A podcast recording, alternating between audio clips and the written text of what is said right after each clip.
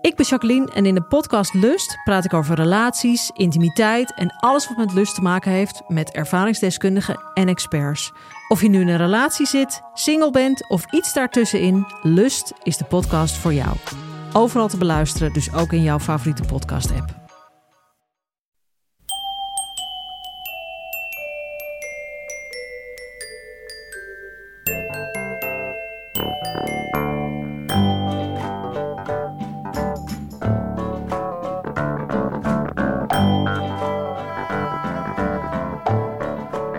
Welkom bij aflevering 351 van Echt Gebeurd, de podcast waarin mensen hun eigen waargebeurde verhalen vertellen.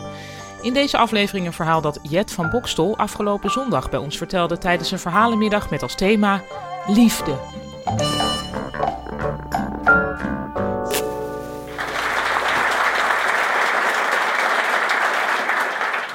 Uh, om dit verhaal goed kunnen begrijpen, moet je eerst weten waar ik vandaan kom. Ik kom uit een heel klein dorpje in Brabant. Om een idee te geven, uh, begin 60 jaren was er een volkstelling in Nederland. En een van mijn vele broers en ik dachten, nou, dat kunnen wij ook wel, hè? En uh, wij gingen dus met een papier en een pen het dorp inlopen. En wij wisten natuurlijk precies wie er in welk huis woonde, met hoeveel mensen. En wij turven en turven. En we kwamen tot 192. En dat vonden wij veel. En uh, je begrijpt ook dat wij hadden natuurlijk geen eigen school in dat dorp. Maar met drie andere dorpen was er een gezamenlijk uh, lagere schooltje. En ik ging uh, naar de eerste klas. Nou, dat was geweldig. Ik leerde letters tekenen. Ik leerde ook hoe ze heten. Ik leerde cijfers. Ik kon lezen. En, maar het schooltje was zo klein dat klas 1, 2 en 3 die zaten samen in één lokaal. En 4, 5 en 6 zaten in een ander lokaal. Dus toen ik mijn letters had getekend en uh, ja, wist hoe de cijfers moesten, had ik natuurlijk alle tijd om naar de tweede klas te luisteren als die aardrijkskunde hadden. En de derde klas die hadden dan geschiedenis. En... Dus toen kwam ik in de tweede klas en toen ging ik me nogal vervelen, want ik had alles al een keer meegemaakt. Maar daar hadden ze iets op gevonden. Achter in de klas stond een boekenkast en dan mocht je gaan vrij lezen als je klaar was met je taakjes. En uh, ja, zodoende was ik dus op mijn achtste een soort expert op kaboutergebied. Ik had uh, complete Wipneus en Pim gelezen. En op mijn negende wist ik alles van cowboys en indianen vanwege Arendsoog en Witte Veder. En toen ging ik naar de vierde klas en daar weer hetzelfde. Ik ging steeds meer lezen, steeds meer lezen. En ik merkte dat er daarbuiten nog een hele grote wereld was die lag te wachten om door mij gezien te worden en door mij meegemaakt te worden. En dat de wereld groter was dan alleen dat dorpje van 192 mensen. En ik kreeg een ontzettend verlangen naar die wereld. En toen mocht ik naar de middelbare school. En ik dacht, yes, nu gaat het beginnen. Het komt, ja. Dus iedere dag op de fiets 14 kilometer heen naar Os, 14 kilometer terug. En nou, het was dus niet zo was helemaal niet zo. Ik bedoel, Os was zo mogelijk nog erger dan het dorpje Dieden waar ik vandaan kwam. Mijn god, dezelfde kinderen, alleen nog vervelender. Echt. Ik heb het uh, tot in de vierde klas volgehouden. En ik weet nog, het was niet zo ver voor kerstmis. En opeens dacht ik, ik, ik moet hier weg. Ik doe dit niet meer. Ik doe dit gewoon niet meer. Afgelopen. En het was tijdens de Franse les, weet ik nog. En ik dacht ook nog bij mezelf, als ik zo nodig Frans moet leren, dan ga ik gewoon naar Frankrijk toe. Dan kan ik na twee of drie maanden Frans. Wat is het voor een oude hoer? Dus ik ben opgestaan, ik heb mijn boeken in mijn tas gedaan. En ik liep de klas uit. En toen weet ik nog dat meneer de Kort, de Franse leraar, mij achterna riep. En wat denk jij dat je gaat doen? En ik kon dat allemaal niet verwoorden. Dus ik heb alleen maar mijn tas door die klas heen geslingerd. Kwet! Weg. En toen ben ik een beetje gaan zwerven. Ik ben uh, eerst in een kraakpand in Os. Ja, heel opwindend. Uh, in een bos terechtgekomen. Toen dacht ik, ik wil uh, heel goed gitaar leren spelen. Dus ik ga liften naar Spanje. In Zuid-Frankrijk heb ik de moed opgegeven, want ik had niet eens een paspoort. En ik hoorde vreselijke dingen over de gendarme, of weet dat, de Franse, de, de, de Spaanse Nou ja. En ehm, dus ik weer terugliften. Toen ben ik in Keulen heb ik gezeten. Een paar weken met een stel enorme junkies. Dat was het ook niet echt. En op een gegeven moment kwam ik in Nijmegen terecht. En in Nijmegen gebeurde het. Ik was op een avond aan het dansen in Diogenes. Het was het begin van de funk, kwam van uh, Play that funky music, white boy. Geweldig. En ik zag hem. Mens, dat was echt, ja, zo mooi. G heette die. En nou, uh, knap, slank, lang, blonde krullen, donkere ogen. En hij bewoog zo perfect, zo elegant. Hij had stijl, hij had smaak. En we kwamen aan de praat en al gauw ontdekte ik dat hij dat inderdaad allemaal had. Hij wist van kunst, hij wist van literatuur, um, hij wist van, van architectuur, hij, van muziek, alles. Hij nam me ook mee naar musea en ja, het was geweldig. Ik, ik had nog nooit een voet in een museum gezet, dus het is helemaal fantastisch. Hij nam me mee uit eten. Nou, cerise flambé, hm, ik dacht dat ik flauw viel. Echt geweldig. Alles was goed aan die man, werkelijk alles, alles. En ik dacht, ja, dit is hem. Dit. En op een gegeven moment wilde ik natuurlijk wat meer dan alleen maar over boeken praten die hij had gezegd dat ik moest lezen en die dan ook heel goed waren. En dat zei ik hem op een avond, dat ik wat meer wilde. En toen heeft hij me heel lief, maar ook wel heel lomp meegedeeld dat dit geen goed idee was. Hij was namelijk homo. Ja, wist ik veel. En hij was één keer eerder met een vrouw naar bed geweest. En toen was hij zo uh, van die open wond tussen haar benen, zo met walging bevangen, dat, dat hij haar nooit meer wilde zien. En dat lot wilde hij mij besparen. Ja.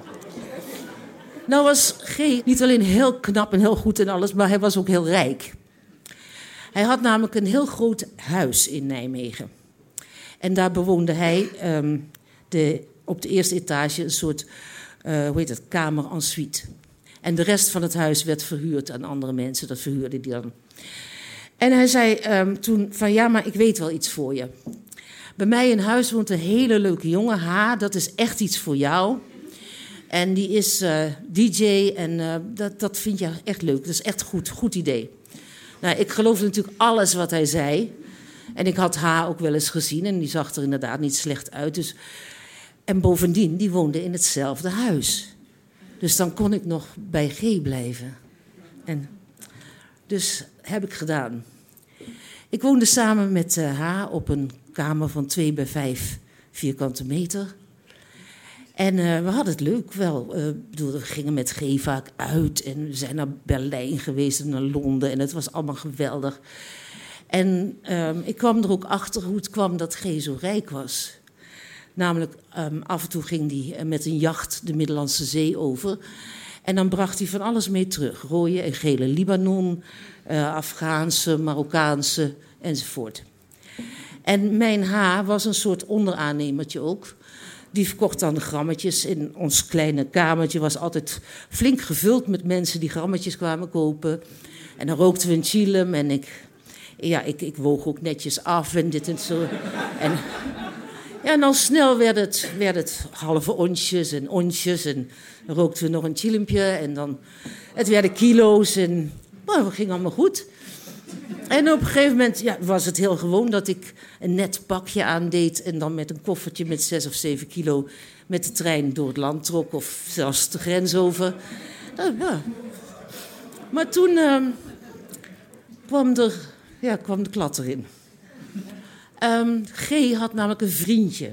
Die heette C, de C van Caligulaatje. Dat was een heel, heel klein, naar, eng, ventje met um, blonde krulletjes, blauwe oogjes.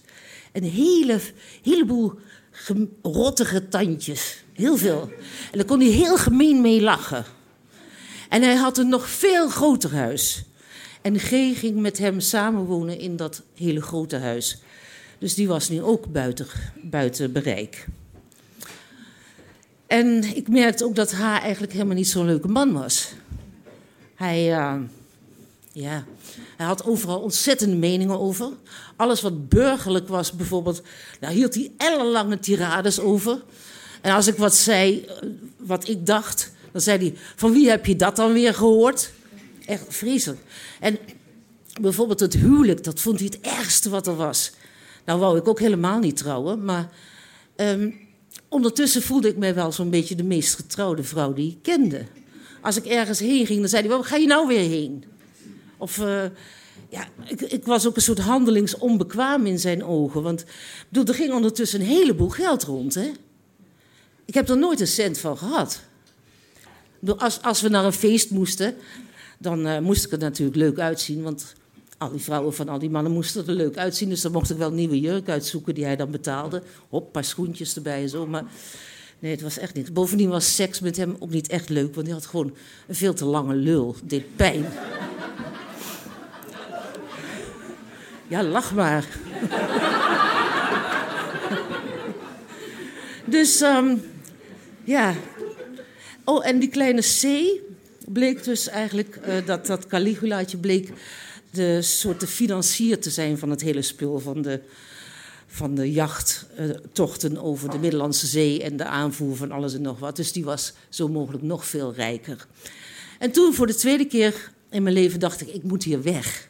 Ik doe dit niet meer, ik doe dit echt niet meer. Maar ja, ik wist wel, ik kom deze keer er niet zo makkelijk af als de eerste keer. Want ik weet nu een beetje veel van wie wat is en wat hij allemaal doet en hoe de stromen lopen. En... Dus ik bedacht een plan. Ik dacht, um, ik ga naar de kunstacademie. Want ik, ik, zat altijd te tekenen en iedereen zei dat ik best wel leuk kon tekenen. En tegen kunst kon niemand iets inbrengen. En dan dacht ik, ga ik naar een kunstacademie een beetje ver weg. Dus niet die in Arnhem of in Den Bosch, maar ver weg, ver weg. Maar toen bleek, ja, voor de kunstacademie moet je toch eerst je middelbare school hebben. Dus ik kom weer terug. Nou, ik heb het heel even gedaan en toen heb ik mezelf zonder middelbare school laten aannemen. Helemaal in Enschede. Dus ik was weg. Ja. En nu heel af en toe kijk ik nog af en toe uh, op het internet. En dan kijk ik of ik nog iets vind over G. Wie weet wat er gebeurd is. Misschien heeft dat enge Caligulaatje hem wel iets aangedaan. Of is hij opgepakt bij een tocht over de Middellandse Zee en weggekwijnd in een Algerijnse cel. Of... Maar misschien is het ook um, een internationaal bekende kunstkenner geworden met een eigen galerie in New York of zo. Maar ik heb nooit meer iets gevonden. Dankjewel.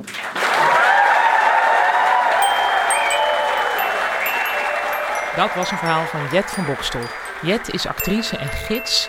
Ze heeft een eigen podcast met de titel Grootse Liefde. En ze was vroeger een van de legendarische Nachtzusters die jarenlang op de Nederlandse radio te horen waren. Voor wie de Nachtzusters niet kent, alle afleveringen zijn te beluisteren op www.nachtzusters.net. Echt Gebeurd is een maandelijkse verhalenmiddag in Comedy Club Toemler onder het Hilton Hotel in Amsterdam. En voor onze volgende editie, die is op 15 mei, zijn we nog op zoek naar verhalen bij het thema Te Water. Dus heb jij een mooi waar gebeurd verhaal dat zich op, in of onder water afspeelt, aan zee of in een aquarium, in tijden van droogte of van overstroming? Geef je dan op als verteller via onze website www.echtgebeurd.net. Als je verhaal wordt geselecteerd, word je in de aanloop naar de middag begeleid door een van de echt gebeurde redacteuren. Dat zijn Micha Wertheim, Bijke Aarts, Maarten Westerveen, Renette Kwakkenbos, Tom van Rooyen of mijzelf, Paulien Cornelissen. Onze producer is Hanna Ebbingen. De zaaltechniek deed Jasper van Oorschot. En deze podcast wordt verzorgd door Gijsbert van der Wal. Dit was aflevering 351. Tot volgende week. En denk eraan: tegen kunst kan niemand iets inbrengen.